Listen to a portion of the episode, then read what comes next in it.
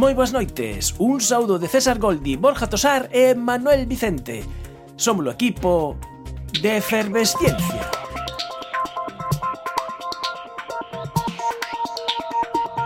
Os espellos, antes de darnos a imaxe que reproducen, deberían reflexionar un pouco.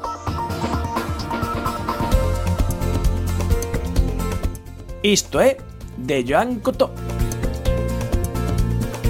Vel aquí un pequeno experimento caseiro con resultado sorprendente se es unha persoa curiosa. Colle unha regra e mide a altura que ten a túa cara. Canto pensas que medirá a imaxe da túa cara reflectida nun espello? A resposta non é o mesmo que a túa cara real. Non o crees? Vas ter que facer a proba debuxando o perfil da túa cara no espello e medindo novamente coa regra. Oh, sorpresa! A túa cara no espello mide exactamente a metade da túa cara real. Estamos tan afeitos a vermonos nos espellos que creemos que a imaxe que proxectan somos nós, pero non é así. As leis da física e a interpretación do noso cerebro teñen a culpa. Nesta edición efervescente falaremos de imaxes científicas onde non todo é o que semella.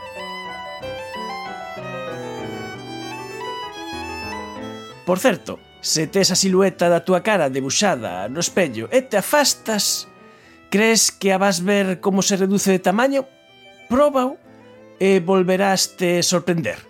Benvidos a Efervesciencia, hai outros mundos, pero están neste. Efervesciencia. Doses de ciencias en contraindicacións. Patrocinado pola FECIT, Fundación Española para a Ciencia e a Tecnoloxía, Ministerio de Ciencia e Innovación, unha colaboración da Universidade de Santiago e a Radio Galega. Co apoio da Xencia Galega de Innovación da Xunta de Galicia.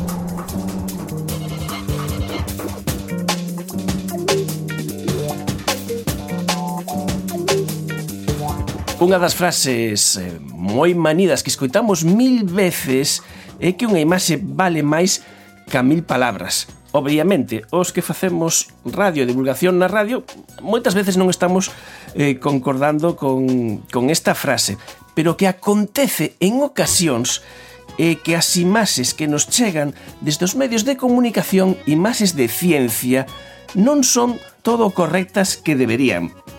Miguel Ángel Martín, moi boas noites. Buenas noches, Manuel. Miguel Ángel Martín é investigador do grupo Neurocom da Universidade Autónoma de Barcelona e tamén investigador do Instituto de Radiotelevisión Española. Que acontece coas imaxes que tivemos nesta pandemia do virus da COVID, o SARS-CoV-2, que vos vos decatastes de que eh, nos medios de comunicación aparecían imaxes moi moi diferentes, eh, de formas moi moi diferentes algunhas moi bonitas, moi fermosas, pero non todo correctas. Sí, Manuel, es muy interesante. Eh, fijémonos que Gebreyesus Adhanom, el director de la Organización Mundial de la Salud, dijo que estamos viviendo en cierta manera una infodemia. Eh, hemos convivido no solo con informaciones ciertas, sino con muchas fake news que se llaman ahora, e informaciones que no parecían correctas sobre comportamientos, eh, respuestas, eh, posiciones frente al coronavirus SARS-CoV-2, que es el que causa la COVID-19. Eh, en cierta manera también, a un nivel más modesto, podríamos hablar de una imagedemia. Esto es la presentación de un montón de imágenes que no responden realmente a una correcta información para el público y para la ciudadanía. Es verdad que muchas veces, eh, ya en 2015, por ejemplo, Bill Gates anunciaba eh, que era posible que llegara una pandemia y que debíamos estar preparados para ella. Eh, por ejemplo, él para su exposición en 2015, mucho antes de que llegara el COVID-19, convertirse en una pandemia, eh, mm, usaba imágenes de eh, virus de la gripe. Estas imágenes, por ejemplo, se recogieron y se han usado intensivamente en muchos medios de comunicación para ilustrar el SARS-CoV-2. Estábamos ilustrando el SARS-CoV-2 con virus de la gripe, en otros casos con virus de animales o con otro tipo de virus. Nadie creería en una información que habla de Joe Biden, por ejemplo, con imágenes de Barack Obama. Entonces, de cierta manera, deberíamos ser muy cuidadosos con el tipo de imágenes que usamos para ilustrar la ciencia. Es un tema apasionante, porque la ilustración científica tiene una base muy importante no solo a nivel científico para presentar hipótesis y resultados, que muchas veces, como tú bien decías, una imagen eh, tiene una capacidad de comunicación muy importante, sino que también a nivel divulgativo, eh, la ciudadanía tiene derecho a conocer también imágenes que sean fieles y que puedan hacerse una idea correcta de lo que es el coronavirus al que nos enfrentamos, que ya desde el año 2020 estaba muy bien retratado. E, e, e vos e vos empezades a dar conta de que non son correctas eh, moitas destas representacións, incluso eh, eh, vos dades conta de que eh, hai, por exemplo, representacións artísticas en cores e que as cores que se utilizan pois que os medios de comunicación que mellor poñen as cores corporativas nos seus telexornais para que o virus nun caso sexa verde, laranxa ou doutra cor, eh, non porque haxa eh, algo que sustente eh, esa cor, senón simplemente por unha cuestión meramente estética para que cadre coa estética eh, dunha cadea de televisión, por exemplo. Es interesantísimo eso que dices, Manuel, efectivamente. Y es que nada es eh, neutral. Por ejemplo, los colores es un tema muy investigado en psicología de la percepción que tienen influencia en nosotros. Ya, ya, eh, no Newton que habló del espectro de colores, ¿no? Y que nos habló que había siete colores en la percepción humana, sino también Goethe, el escritor, eh, tiene una teoría de los colores que ya hace muchos siglos empezó a insinuar que quizá un color, por ejemplo, o una apariencia estética pueden tener una influencia emocional en las personas. Hay estudios farmacéuticos sobre los colores de las pastillas, las pastillas que crean un poco de actividad o animosidad, como las pastillas de color rojo o naranja, o las pastillas más sedativas, que son de color verde. Eh, muchas veces hay eh, un uso por parte de los comunicadores que no estamos siendo correctos porque eh, podemos colocar una serie de imágenes del coronavirus por eh, integración estética con un decorado o con un grafismo bonito. Y realmente eso no está respondiendo a una imagen correcta. Eh, nadie creería en una fotografía teñida toda de verde o teñida de azul plenamente. Y hoy la ciencia ha sido capaz de fotografiar y caracterizar bien el coronavirus en una etapa tan temprana en esta pandemia como en enero de 2020. Uh -huh. E, e vos, eh, o que fixestes tamén eh, eh, nesta, nos, tamén nos inicios da pandemia vos decatastes desto e iniciasteis pois eh, a vosa propia investigación coas limitacións propias da pandemia e eh, vos fixestes a pregunta de que influencia teñen estas diferentes representacións do, do virus da COVID, o SARS-CoV-2, eh, na percepción do público. Efectivamente, eh, nuestro intento fue hacer una encuesta lo más amplia posible. Eh, te puedo decir que obtuvimos más de 19.000 variables y respuestas sobre este tema, preguntándonos sobre cómo los eh, consumidores de información de divulgación científica o de medios de comunicación entendían que era el coronavirus.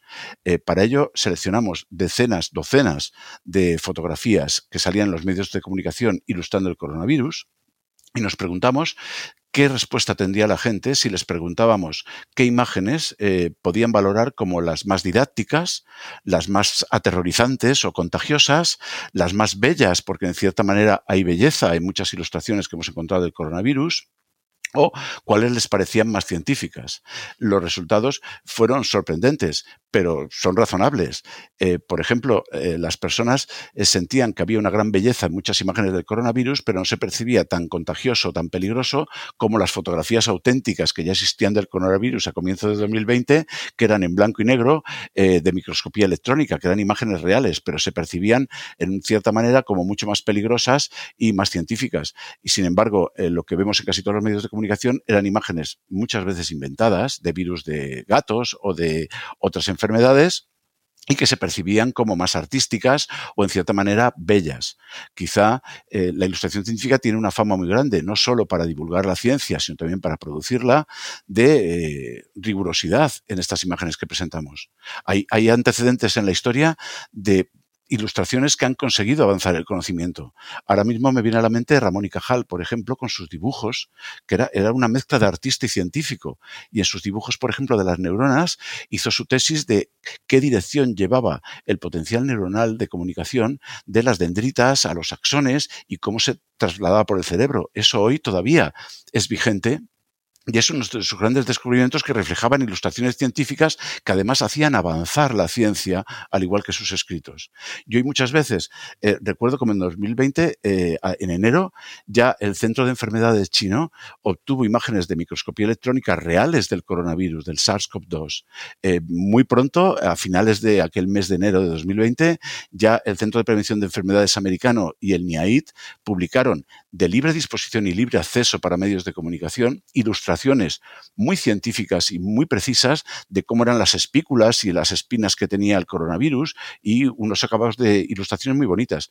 Y es verdad que a veces en los medios de comunicación hemos hecho esta especie de imagedemia, eh, publicando imágenes de stocks de fotografías que muchas veces no tienen los datos adecuadamente contextualizados y quedan bonitos o quedan impresionantes. Pero yo creo que hoy la ciencia eh, debe saber que tiene un deber con la ciudadanía de mostrar ilustraciones que sean correctas y que sean científicamente adecuadas.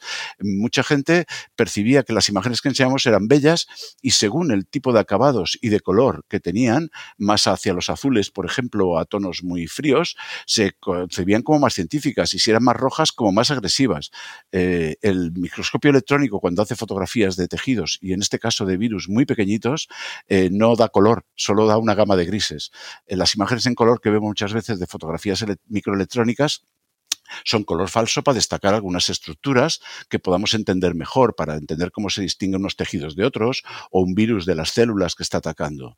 En este caso, hay un montón de repositorios públicos y de libre acceso que permiten ver fotos muy adecuadas del coronavirus que deberían ilustrar. Hay algunos medios de comunicación, estoy pensando en la BBC, por ejemplo, o en la Deutsche Welle alemana, que siempre utilizan imágenes de repositorios científicos del coronavirus. Y en cambio, otros, pues, a veces nos hemos, eh, hemos caído en la trampa de emplear imágenes que no son realmente científicas y que creo que pueden tener un efecto de unas sensaciones y unas emociones en los espectadores, como te decía, de percepción de algo diferente a lo que realmente es. Eh, nadie querría que le dieran una imagen eh, falsa por otra que es real. Y creo que aunque estemos hablando del mundo microscópico, la información científica debe ser veraz para hacer avanzar esa ciencia y que en una próxima alarma sanitaria, que seguramente Manuel la habrá, como sabemos todos, pues podamos tener una información también adecuada y evitar esta especie de imagedemias. Las imágenes esas de stock das que falas son imágenes que son de pago y sin embargo, estas outras imaxes que dis que teñen fiabilidade científica eran imaxes que se puxeron á disposición eh, do público pois eh, gratuitamente. Sí, es también un tema muy importante es, eh, hay un montón de deberes de, interés público que están brindando imágenes del coronavirus de centros de investigación como el NIAID, el Centro de, Investigación de Enfermedades Infecciosas de América, el Centro de China de Control de Salud, eh, muchos repositorios. En Flickr, no tenemos que buscar coronavirus eh, NIAID y obtienes un montón de imágenes bellas en cierta manera, si me permites la expresión en este caso, pero que también son científicamente precisas. Y creo que no hay que recurrir a stocks de pago. Yo creo que los stocks de pago lo que hacen es uniformizar eh, mm, hacer un poco una línea plana en la ilustración. Y fíjate que la ilustración científica es algo que tenemos que poner en valor todos, no solo para los artículos científicos, sino también para la divulgación de la ciencia, que es muy importante. Eh, muchas veces hay grandes ilustradores que han procedido de eso y en la historia de la ciencia hay ejemplos maravillosos. Recordemos ya desde el siglo 14 tenemos en la mente todas las imágenes de Leonardo da Vinci, desde el hombre de Vitruvio hasta los estudios que hacía de los brazos tan bonitos. Eh, recordemos luego a Vesalio, un siglo después, eh, en su libro que era eh, Humani Natura Máquina, cómo representaba la forma humana de una manera que permitía a la gente ver realmente lo que había debajo de la piel. Darwin dibujaba los picos de los pinzones para ver cómo variaban de una isla a otra de sus investigaciones y ver cómo habían evolucionado según la selección natural de manera diferente. Un montón de ilustradores, antes hablábamos de Ramón y Cajal, hacían ilustraciones fantásticas para poder realmente ilustrar a la gente sobre cómo eran ciertos procesos naturales. Con lo que yo creo que la ilustración científica es una cosa a recuperar, a respetar. Incluso en muchos países hay una especialidad importante del diseño, que es la ilustración científica, que permite disfrutar realmente de un nuevo conocimiento y ser algo iluminador. Entonces, creo sinceramente que deberíamos cuidar mucho qué tipo de ilustración utilizamos para hacer divulgación de la ciencia. Pois de seguro que habemos de conversar en máis ocasións. Moitas grazas, Miguel Ángel Martín, por acoller a chamada de efervesciencia. Un placer para Efervescencia y para ti, Manuel. Hasta pronto, buenas noches. ¿Ha visto al doctor Hackenbush? No, no le he visto. Bien, búsquele. La señora Ullon quiere verle. ¿Qué le pasa ahora a la señora? Nada Ullon? en su más violenta manifestación. ¿Querría ponerme el visto bueno a esto? Tengo mucho trabajo. Haré una cosa. Le pondré ahora el visto y venga después por el bueno. Doctor Hackenbush. Un momento. Póngame con el baño turco. Sí, señor. Doctor Hackenbush. La señora Ullon se vuelve a quejar y los rayos X demuestran que no tiene nada. ¿Y a quién prefiere usted creer? ¿A mí o a esos tramposos rayos X?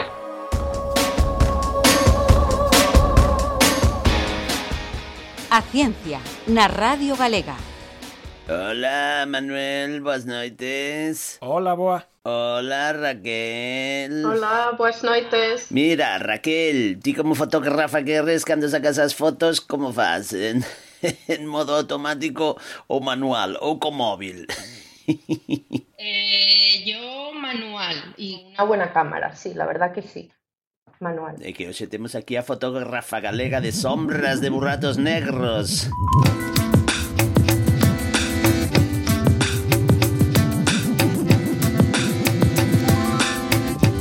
Oxe, no tempo de, da conversa en Efervesciencia esta noite contamos eh, desde outro lado da liña telefónica, desde os Países Baixos, con Raquel Fragancinas, que é investigadora do Black Hole Camp da Universidade de Radboud, nos Países Baixos.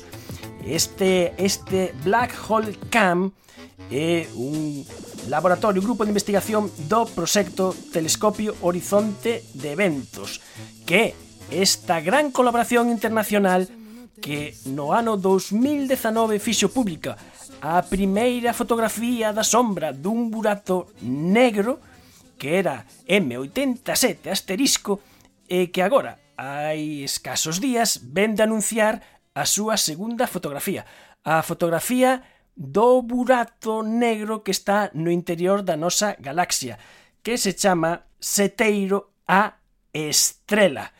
Raquel, non sei se nesta segunda foto vos pasou como a primeira, que tivestes que guardar o segredo durante meses e que non lle podías contar nin a familiares, nin amigos, noivos, noivas e, e pechar as portas dos vosos eh, laboratorios cando tiñades as videoconferencias.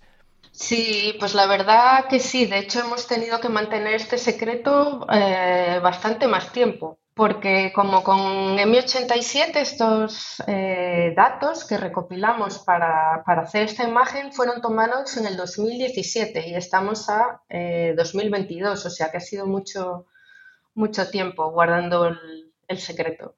E hubo tamén un momento de compartir os resultados das fotos, porque na primeira foto nos contaches, cando falamos contigo a primeira vez, Alán Castrelo de, de Miño, en nunha astrogalicia eh, contabas que había como catro equipos que estaban a desentrañar esa, os datos desa foto e eh, que cada un, hubo un momento que se reuniron e eh, que cada un abriron os seus portátiles, ensinaron as súas diferentes solucións da foto e viron, anda, coincide, é o mesmo. Hubo un momento similar con, con esta fotografía ou, bueno, como xa era a segunda? Sí, sí, no, y realmente eso es lo importante porque se trabaja en equipos independientes y usando distintos métodos para asegurarnos eh, que no hay sesgos eh, introducidos, digamos, por los humanos, ¿no? por nosotros como personas. Entonces, eh, sí, se, siguió un procedimiento bastante pa parecido y la foto yo ya la había visto hace tiempo, pero ha sido un trabajo que ha tardado muchos años porque realmente no solo por la complejidad, sino que nos queríamos asegurar que realmente lo que estábamos eh, publicando eh, era un trabajo muy riguroso, porque es un trabajo muy, comple muy complejo. Y de hecho, eh, cuando se hizo el primer anuncio, la, gente pensaba que la primera foto del agujero negro sería la de Sagitario A, que es nuestro Sagitario A estrella, que es el nuestro agujero supermasivo, ¿no? el de la Vía Láctea. Y no fue así, fue M87. Y hay una razón muy importante de por qué ha sucedido eso. Eh, ten que ver con que un se deixa fotografiar bastante ben, está bastante paradiño, eh, casi fotografía estática, e outro é eh, un neno en, en. Sí, pues a mí me gusta, porque me gustan mucho los animales, un poco compararlo con, con perros, ¿no? Digamos, Sagitario A es muchísimo menos masivo que eh, M87, ¿no? Entonces es como un cachorrito. M87 tiene, eh, la masa es 6.500 millones de masas solares. Sagitario A es solo 4 millones de masas solares. Por lo tanto, eh, el gas que orbita alrededor de Sagitario A cambia eh, a escalas de tiempo mucho más pequeñas, del orden de minutos. En el caso de M87 estrella pueden ser eh, semanas. Entonces, esa es una, una, de las razones por qué fue tan difícil procesar y obtener esta imagen, ¿no? procesar los datos. Y la segunda razón es porque eh, M87 es un agujero supermasivo, pero que está en otra galaxia. Eh, M87 estrella, es el agujero supermasivo que está en la galaxia M87. ¿Qué es lo que pasa? El nuestro está en la Vía Láctea y cuando hacemos las observaciones nosotros vivimos alrededor del Sol en un brazo de la espiral de la Vía Láctea y si miramos hacia el centro, estás mirando a través de todo el material del brazo espiral de la Vía Láctea que actúa como una pantalla que distorsiona tu imagen, un poco como eh, los cristales estos de las puertas, podrías pensar, de, como las puertas de los baños, que son un poco opacos, pues intenta hacer una foto de un cachorrito que se está moviendo a través de un cristal opaco mientras o, o translúcido, no completamente opaco, mientras que eh, M87 estrella es como sacarle una foto al San Bernardo, que ya tiene 12 años, que está sentado en el sofá del salón y encima la puerta está abierta. El proceso en sí eh, pues ha, llevado mucho tiempo por esas razones. Pois eh, agora a pregunta a pregunta estrela da noite, a pregunta pola que eu estou aquí, a pregunta que seguramente se están facendo eh, moitos ointes eh, agora mesmo, eh, unha pregunta tipo, que hai do noso? Sí, porque moita xente, claro, é influenciada pola ciencia ficción e pola cantidade de ciencia que aprenden nas redes, porque a divulgación científica está a tope aí machacando. Eh, cando aparece, cando apareceu esta foto de, de, de, de este buraco negro na nosa galaxia, pois todo o mundo, lóxicamente, sabendo un pouco como son os burratos negros que son así no imaginario popular como bichos que negros infinitesimais pequeniños pero que tragan todo que pasa pola súa órbita. Entón a pregunta é ímonos ir todos a tomar polo con perdón burrato negro no no. La verdad, y esta es una pregunta que nos hace... Rotundamente. Rotundamente no nos va a pasar nada, porque Sagitario A está a 27.000 años luz, o sea, lonche, lonche. De hecho, si... Lonche, lonche. Lonche, muy lonche. De hecho, si, si sustituyésemos nuestro propio Sol por un agujero negro de la masa de un Sol, eh, excepto que nos moriríamos congelados porque no habría luz, realmente a la Tierra no le sucedería nada, los planetas seguirían orbitando y todo seguiría igual. Eh, los agujeros negros tienen muy mala reputación. Eh, yo creo que no sé si es por las películas, igual que le pasado a los tiburones con Spielberg, que luego por tiburones, pues lo mismo con los agujeros negros. Y realmente no son, no son aspiradoras cósmicas. Uno tiene que estar muy, muy, muy cerca, o el material en este caso, nosotros pues no, no podemos viajar hasta allá, el material tiene que estar muy cerca, muy cerca del horizonte de, sucesos para, realmente eh, ser, ser atrapado por el agujero negro. O sea que para nosotros no supone ningún peligro. ¿Y cosas como las que pasan en Interestelar serían posibles, ese tipo de viajes? Hombre, pues bueno, por eso se llama ciencia ficción. Lo que sí que tengo que decir de Interstellar es que la película eh, utilizaron bueno, pues a, un, físico Kip Thorne para hacer esos modelos del agujero este negro gargantua. Eh, no sé en español. Gargantúa, sí. Igual.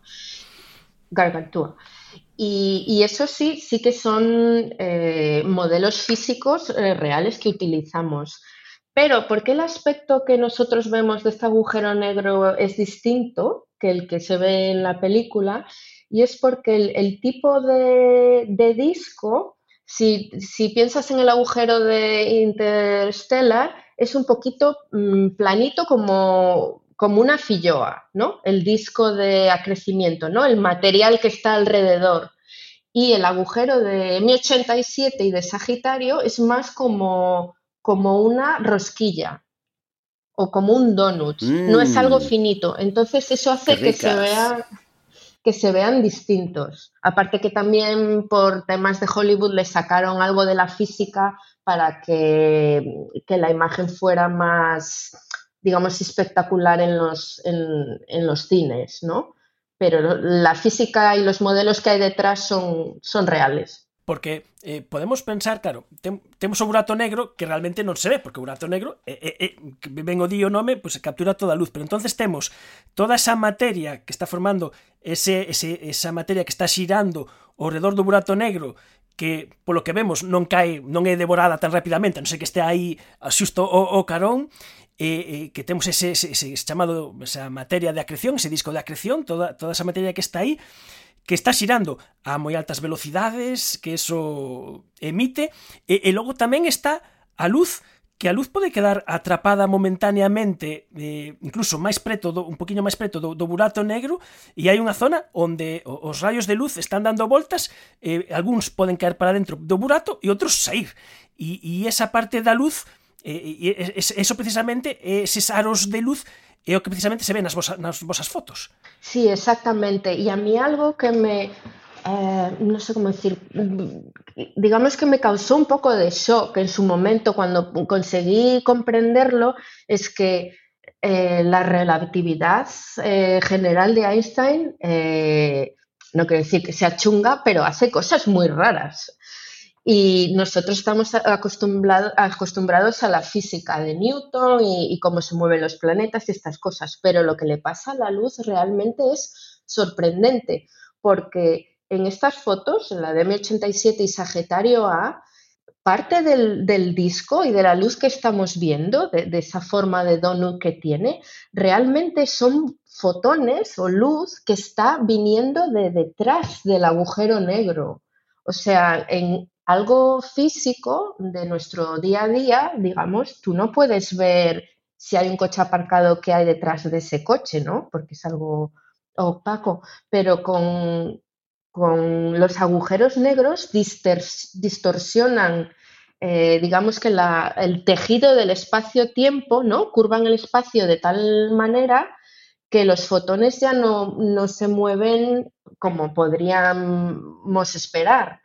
Y a mí eso me costó mucho tiempo eh, poder entenderlo. Entonces, aunque nosotros eh, viésemos al agujero negro con otra distinta orientación, fuese desde donde fuese, siempre tendría ese aspecto de anillo, porque realmente es como estar viéndolo de todos los ángulos al mismo tiempo. Es algo bastante eh, sorprendente. Uh -huh. eh, podemos facer unha analoxía que se nos vemos, por exemplo, os anéis de Saturno, dependo, dependendo de como estén orientados, pode haber orientacións no que vemos, veamos como unha coroa que envolve o planeta e noutras orientacións que esté tan lateral que prácticamente, como é tan estreitiño, que non o vexamos. Pero isto, precisamente, polo que contas, non acontece cos buratos negros, que vexamos por onde o vexamos, como a, os, os, eses, eses rayos dan voltas, e podes que estás vendo cosas que estén atrás, desde as diferentes orientacións vas ver algo bastante semellante. Bastante, sí, bastante eso, semellante, bastante parecido. Y, y lo importante de todo esto es que realmente eso es lo que Einstein predecía. ¿No? Lo que su nieto, a, de Einstein, lo que su nieto predecía, pues es lo que estamos viendo. Y para mí esta imagen, la de Sagitario A, es incluso más importante que la primera porque podrías pensar, ah, pues hemos capturado este agujero negro y M87 estrella y tiene esta pinta, ¿no? Esta apariencia. Pero es que resulta que Sagitario A parecen, parecen hermanos. Si ves las fotos una al lado de otra, realmente son muy parecidos. Y son agujeros negros muy, muy, muy distintos. Estamos hablando como de una hormiga y un elefante, algo que es millones de, veces eh, más, más masivo a distancias eh, completamente distintas, incluso los procesos físicos. Eh, M87 estrella pues lanza chorros relativistas de material, el agujero de nuestra galaxia está en una dieta eh, pobrecillo, muy, una dieta pues eh, muy estricta, porque si yo fuese Sagitario Mediterránea. peor, peor. Si yo fuese Sagitario A, porque en un millón de años, si yo fuese Sagitario A, me comería un grano de arroz. Eso es lo que está comiendo ese Sagitario A. E a cuestión tecnolóxica, que xa falamos outra vez, que eh, se utilizan eh, telescopios repartidos por, por todo o planeta eh, precisamente porque canto máis pequeno lonxano é o obxeto, máis grande necesitas que sexa o telescopio. Se crea ese telescopio virtual, eh, de feito, un dos radiotelescopios, falando con propiedade, eh, témolo en España, en Granada, eh, o, o, o telescopio de 30 metros do, do Irán, no, no, no Veleta, contribución aí española eh, moi importante, e, e que precisamente cada un deses telescopios ten que estar eh, perfectamente sincronizado con reloxos atómicos para que todas esas imaxes logo se podan eh, xuntar, inferir o que falta, meter aí un montón de traballo de computación, de algoritmos, de inferencias, por eso eh, era tan importante que comentabas ao principio, Seika, de que eh, non dar cosas por asumidas e que grupos diferentes con metodoloxías diferentes e traballos diferentes poden chegar á mesma conclusión. E claro, pero temos os límites físicos do planeta, porque onde podemos colocar outros radiotelescopios para ter un telescopio máis grande e poder ver cousas máis lonxanas e moi máis pequenas? Ah, pues la respuesta es en la Luna y en satélites. Y ya hay planes para estas cosas. O sea que eh, eh, ya hay, planes. Sí, en serio. Sí, sí, sí, sí, Claro, lo que hace falta, como con todo, ah. financiación, pero sí, ya hay proyectos. Basta. Exactamente.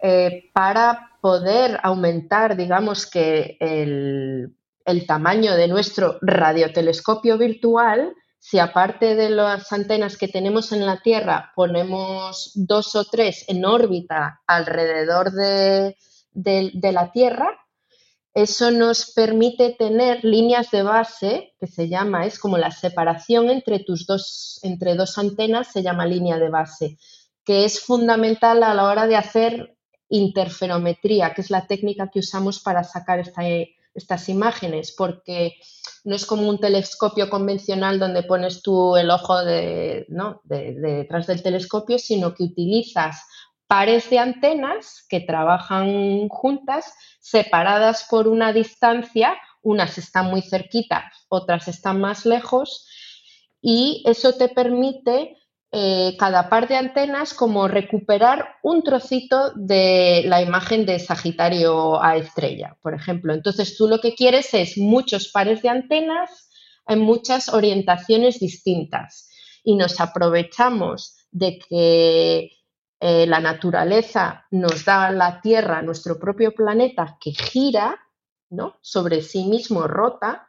Entonces, si tú eres Sagitario A eh, mirando hacia la Tierra, pues la posición, por ejemplo, de la antena en eh, Pico Veleta y las antenas de Alma en Chile, a lo largo de la noche van cambiando y la orientación igualmente. Entonces, usando esta técnica, creamos un telescopio virtual que nos ayuda a captar imágenes de cosas tan, tan, tan pequeñas eh, en el cielo, porque la gente no se hace una idea realmente de lo complejo que es esto.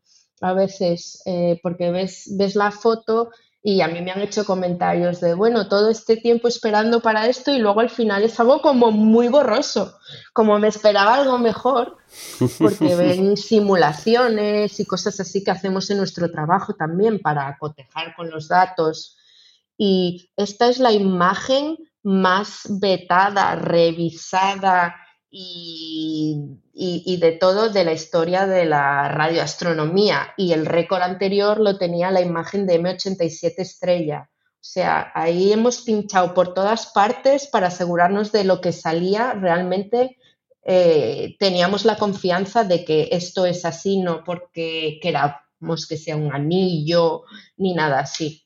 Mira, agora que xa son tan populares os buratos negros, eh, parracando un TikTok, parracando fan un vídeo, non?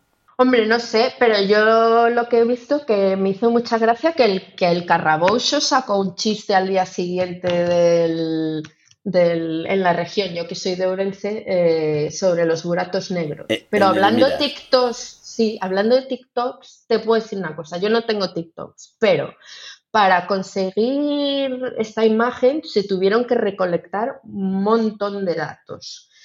Eh, y te diré, eh, sobre 3,5 petabytes, que esto te puede sonar a chino, pero es que es un ingeniero informático te dirá, eso es un mogollón. petabytes ¿Cuánto sona es? a outra cousa, perro. Pues 3,5 petabytes, ¿sabes cuánto es eso?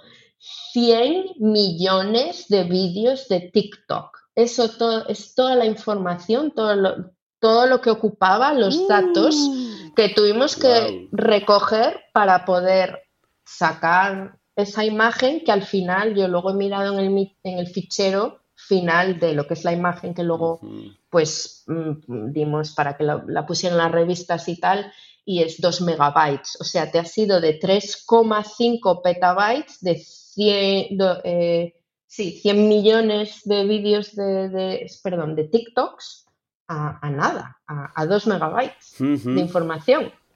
Na tarxeta esta de, de visita que, eh, que que ti tes tes unha tarxeta de visita na que eh, tes as teas simulacións aí de de buratos negros e de unha parte dos buratos negros da que falamos pouco que eh, que hai uns buratos que, que botan chorros eh, temos o disco pero botan do disco para arriba do disco para baixo botan eses chorros relativistas eh, moi enerxéticos que, bueno, que tamén aí hai moitos misterios da física para, para resolver eh, por que acontece todo iso. E creo, creo que a túa investigación vai por esa liña.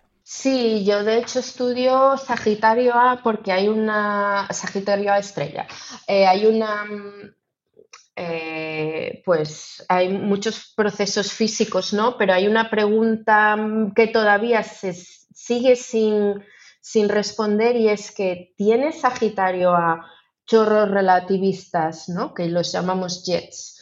eh, como M87, porque en M87 son muy evidentes eh, si miras a otras longitudes de onda, ¿no? con otros observatorios, se ve como estos chorros que tienen una energía brutal y- y atraviesan, o sea, cruzan toda la galaxia y fuera de la galaxia de M87. Si esto sucede en Sagitario a estrella, el problema es que M87 estrella come mogollón, no está a dieta, entonces tiene ahí mucho, eh, pues para mucha energía para poder expulsar estos chorros. Sagitario A estrella, como te dije, está en una dieta súper estricta de un granito de arroz cada mil años, eh, si yo fuera Sagitario A. Si, en términos de su propia masa, pues sería Sagitario A se come tres lunas cada año. Pero la masa de la luna en comparación con cuatro millones de masas solares es que no es nada. Entonces, ¿qué es lo que pasa? Pues debido a esta dieta tan estricta, mm, es, posible que, no sea capaz de lanzar chorros o relativistas o si los hay son muy débiles, entonces no somos capaces de detectar todavía si los tiene o no. Entonces hay mucho trabajo detrás de todo esto. Yo realizo observaciones y también simulaciones para investigar si realmente tiene o ha tenido chorros en, en un pasado y a qué se deben estos procesos eh, físicos. Raquel, moitísimas grazas por atender a chamada de, de efervesciencia. Gracias a vosotros. Pois nada, a ver si pillo por aí un, algún móvil con mogollón de petabytes. Recuerdos al nieto. Somos muy fans. Fervechamente, coa boa Daisy, do Manuel Vicente. O home das postais planetarias en efervesciencia é Borja Tosar. Borja Tosar, moi boas noites. Moi boas noites, Manuel. postais planetarias e postais selenitas. Porque hai moito tempo que a humanidade non pisa a lúa, moitísimas décadas, pero mellor a isto imos poñerlle remedio en pouco tempo. Sí, afortunadamente hai unha nova eh, carreira espacial na que xa temos un cohete para volver á Lúa e xa temos un montón de cousas eh, preparadas para volver á Lúa. E de, con un pouco de sorte dentro dun par de anos, dentro duns aniños poderemos ver outra vez xente camiñando pola Lúa. Estamos a falar do proxecto Artemisa da NASA que pretende eh, volver á Lúa cunha novidade. Sí, bueno, é, é bastante diferente aos proxectos Apolo porque unha das cousas que acontece con todo este tipo de cousas é que podes pensar que como se chegou á Lúa, volver despois de case 50 anos pois é tan fácil como facer o mesmo e resulta que se perdeu prácticamente todo o coñecemento eh, todos os enxeñeiros, toda a xente, todas as máquinas, todos os cohetes, todos os, os sistemas, as, as, as, todo se perdeu prácticamente, porque eso xa non está operativo, non funciona e non queda xente que sepa como funciona, que é o máis importante, non? Entón, nos últimos anos hai un proxecto que é Artemisa que volver a, a facer todo de novo cas novas tecnoloxías que temos, non? Entonces, ahora se está facendo un cohete que nestes momentos está facendo as probas para lanzar a primeira cápsula que vai facer a primeira proba que é Artemisa 1 para chegar á Lúa, dar unha volta á Lúa e ver se todo vai ben. Neste caso non vai ir tripulada. Iniciamos la separación. Suspensión del secundario y separación. Hemos abandonado la órbita de la Tierra y alcanzado la trayectoria. Próxima parada, la luna. Cando cheguemos ao Artemisa 2, Artemisa 3 e pisemos de novo a lúa, o que si sí se sabe, non se sabe quen vai ser, pero o que si sí se sabe é que vai ser unha muller astronauta. Sí, se sabe seguro, a NASA xa, xa o deixou claro que, que dende logo na misión Artemisa 3, que é a misión na que se vai a volver a lunizar eh, xente na Lúa, unha tripulación vai pasear de novo pola Lúa, pois vai levar unha muller ou dúas, eso, bueno, pues, eh, igual son dúas, non, non sabemos, ou un home. Pero bueno, eh, é unha oportunidade brutal para poder ver de novo a exploración espacial eh, tripulada de, de novo, especialmente pues, os da nosa xeración que nunca vimos algo así, porque houve xente que veo eh, es, todo isto en directo, como chegaban as misións Apolo á Lúa en directo, pero no noso caso non o vimos porque xa estaba desactivada toda a misión. Entonces volvemos a ver outra vez a exploración do espazo, a exploración do universo, en directo e tripulada, que é super emocionante. É, é un concepto de, de misión diferente porque as misións Apolo eh, tiñan aí o, o foguete, deixabas aí unha parte do módulo dando voltas á lúa, baixaba a águia, eh, logo volvía a subir para arriba, retomaba, se, se engarzaban e volvían para a terra. Pero o esquema de misión de Artemisa é bastante diferente. É bastante diferente, pero, pero bueno, é heredado dunha idea moitísimo máis guapa, porque ao final o que pretendía o programa Artemisa primeiro era poñer en órbita ao redor da Lúa unha estación espacial que se iba a chamar Gateway, entonces a idea era ter unha estación espacial non ao redor da Terra, senón ao redor da Lúa, unha estación espacial en órbita lunar. Entonces a idea era ter un lanzador que poda poñer xente dende a Terra ata esta a estación espacial lunar, colles o coche de liña de, da Terra a estación Gateway na Lúa, na Lúa pois baixas na estación, na estación colles o alunizador, que sería unha nave que sería solo para baixar dende a estación lunar ata a superficie da Lúa, e logo cando acabes de facer as túas cousas lunares, pois subes outra vez a estación e colles outra vez o coche de liña de cara a Terra, non? Que pasou? Que se pasou totalmente de presuposto, eh, especialmente o cohete, entonces a estación Gateway pois está retrasada.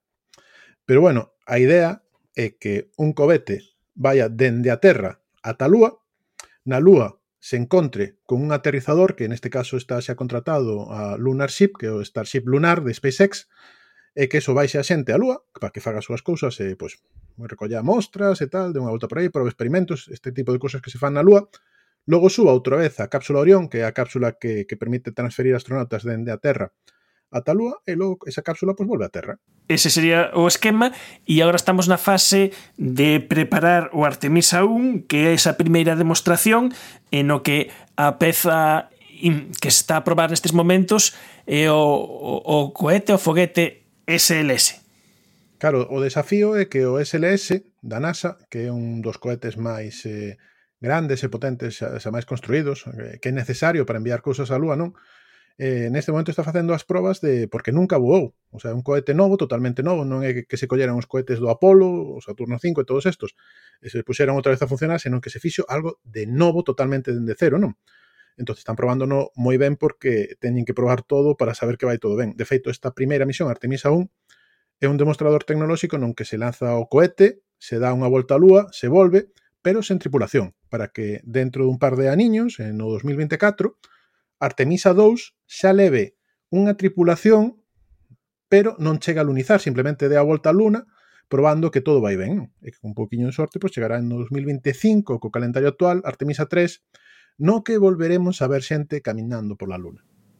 E, e está tamén a cuestión eh, que é moi diferente do proxecto Apolo, que o proxecto Apolo desenvolveu o 100% a NASA, pero neste caso aí está a colaboración entre a NASA e unha subcontrata, neste caso, a subcontrata é SpaceX. Bueno, a NASA, a NASA sempre tivo subcontratas de empresas tipo Lockheed, National Team, eh, eh, Boeing e tal. De feito, a cápsula Orión que traslada os astronautas dende a Terra ata a órbita da Luna é da, da compañía eh, eh, de Boeing, da compañía dos avións. Entonces sempre houve moitas que contratas na NASA, a NASA contrataba moita parte de tal Pero o que pasa é que agora hai un, unha especie de, de supercompañía espacial que é SpaceX que, que o seu, a súa influencia como unha soa compañía é tremenda, porque son capaces de, neste momento, eh, son os que poñen unha cantidad de satélites en órbita tremendo, de feito son xa son a, a compañía o lanzador máis exitoso da, da historia da exploración espacial, eh, poñen satélites en órbita, non só iso, senón que son neste momento a contrata que ten a NASA para subir astronautas á Estación Espacial Internacional, Os, os astronautas, cando suben á estación espacial que ten a NASA e o comentário de, da Estación Espacial Internacional, pois é de a Dragon de SpaceX, non? E non só iso, senón que ahora a NASA contratou un módulo supercrítico, que é o módulo que se vai utilizar para que os astronautas alunicen eh, na Artemisa 3. Ese módulo que se chama Starship Lunar ou Lunar Ship é unha das especies de, de, de unicornios que ten SpaceX, que é esa nave que vale para todo, superpotente, supergrande, grande e de verdade tremendamente espectacular. A concepción que ten con respecto a Apolo, todo o que vimos, é totalmente diferente. Ti se colles un vídeo da, da Lunar Ship, verás que un, un, é, é, é tremenda, é unha cousa xigantesca. De feito, para baixar os astronautas ata a superficie, en vez de ter unha escalerilla, teñen un ascensor, porque é como un edificio de 4 ou 5 pisos. Uh -huh. entonces é tremendo, non? é unha das cousas que intenta facer SpaceX para que sexa todo moitísimo máis barato e moitísimo máis eficiente e que todo sea eh, reutilizable. Neste caso Lunar Ship, a NASA non permite que sea reutilizable, pero SpaceX a idea que ten é de utilizar esas eh, Starships, esas Lunar Ships, de forma que, que duren pois un montón de, de ciclos, con eso abratar moitísimo os costes de ir ao espazo os costes de ir á Luna. E nesta nova carreira lunar eh, temos varios xogadores. Eh, outrora estaban os rusos, pero agora os xogadores importantes son os chineses. Os chineses que, que non parece que, que non sabemos nada deles, porque sí que é verdad que culturalmente nos quedan moi lonxe, non? Pero neste momento os chineses teñen un programa espacial eh, tremendamente ambicioso. Neste momento os chineses teñen un rover camiñando por Marte, teñen un rover na, na cara oscura da Lúa, en este momento teñen unha estación espacial. O sea, China como país, independentemente, ten unha estación espacial que a tiñan Wong, que a veces incluso se pode ver desde Galicia. A lúa pode parecernos eh, moi grande para en comparación con un dispositivo que mandemos aí e eh, que eh, eh, aterremos e que mandemos os nosos astronautas ou como que iramos chamar, pero os puntos realmente críticos e interesantes na lúa non son tantos e se imos desde varias potencias pode achegar a ver conflictos territoriais na Lúa. Sí, para, para ir de turisteo, como foron as misiones a Apolo, que foron máis ou menos o ecuador da Lúa, que coller unha, un sitio pouco concreto da Lúa, un pouco plano e tal, non sei, baixar, dar unha volta, xa, facer uns experimentos e coller unhas mostras, pois hai sitio de sobra. Xogar o golf. Se queremos, xogar o golf, esas cousas. saltar, facer trompos co, co rover, este tipo de, de cousas e tal.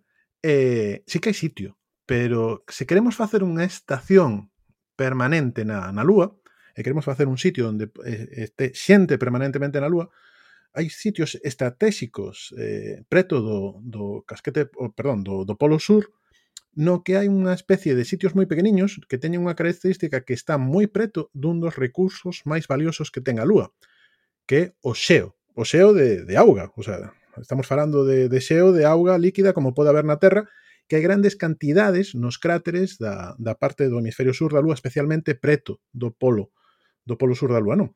Entón, este xeo, claro, sirve para moitas cousas, pois sirve para, para ter auga para os astronautas para que podan beber, sirve para descompoñelo e ter oxíxeno para poder respirar, oxíxeno é un combustible tamén para cohetes, entonces eh, hidróxeno, entonces eh, sirve para un montón de cousas, non? Pero necesitas enerxía. Pero necesitas enerxía.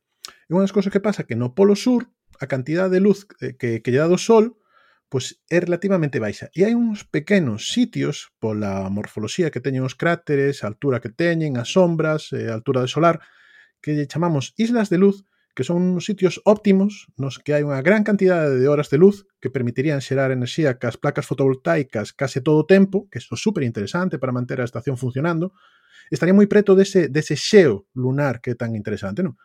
Pero son moi poucos e moi pequenos. De feito, como vayan 4 superpotencia xa non hai sitio para máis. Entonces, logo todos os demais sitios que haya por aí xa non son tan interesantes e igual xa non son óptimos o peor.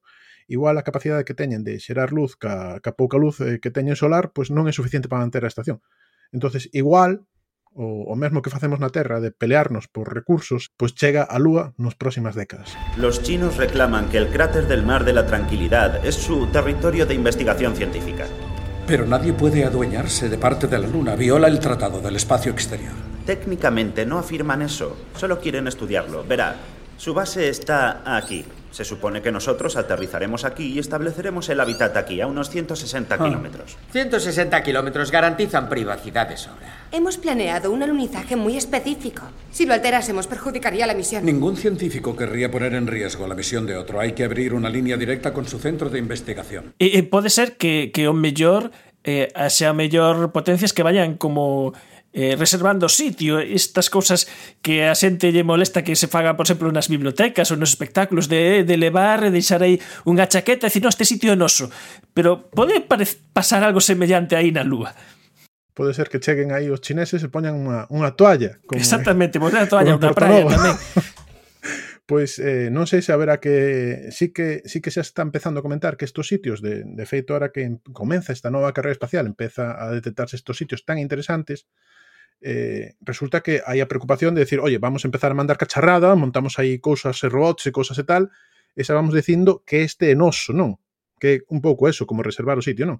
entonces empeza a aparecer esa, esa, esa, esa idea non de, de reservar esos sitios tan interesantes a nivel tan estratégico na Lúa e que hai tan poucos, que, que é unha cousa curiosa.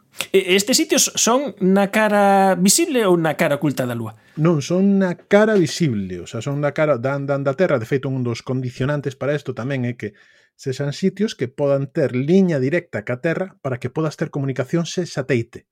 Entonces, claro, se xuntas todas as características que teñan que estar eh, que podan ter liña, porque claro, se os pos na cara oculta da Lúa, eh, tes que ter un satélite de comunicaciones para contactar ca Terra. O sea, estás bastante desconectado, non? Entonces, por eso é moi interesante, moi moi interesante eses sitios e son tan pequenos, porque teñen tantas características tan curiosas que dices, isto é eh, o sitio onde quero poñer a estación. Todo fora de aí, igual a estación xa non é competitiva con respecto a outros sitios. Esta é a nova carreira lunar que estamos empezando xa a vivir nestes tempos co proxecto coa misión Artemisa da NASA que porá na Lúa eh, cando menos unha muller astronauta e que se os cálculos van ben, que eso xa é outro cantar, pois en tres aniños, quen sabe, poderemos ver este fito. Nolo contou o noso postaleiro planetario, o Borja Tosar. Borja, unha aperta moi grande e moitas grazas por contarnos todas estas cousas. Moitas grazas a ti, Manuel, por falar de astronomía. Moitísimas gracias. Efervesciencia. Patrocinado pola FECIT, Fundación Española para a Ciencia e a Tecnoloxía, Ministerio de Ciencia e Innovación, unha colaboración da Universidade de Santiago e a Radio Galega. O apoio da Xencia Galega de Innovación da Xunta de Galicia. Se queres máis efervesciencia, non deixes de descargar os nosos podcast e escoitarnos o vindeiro mércores na Radio Galega. Adeus.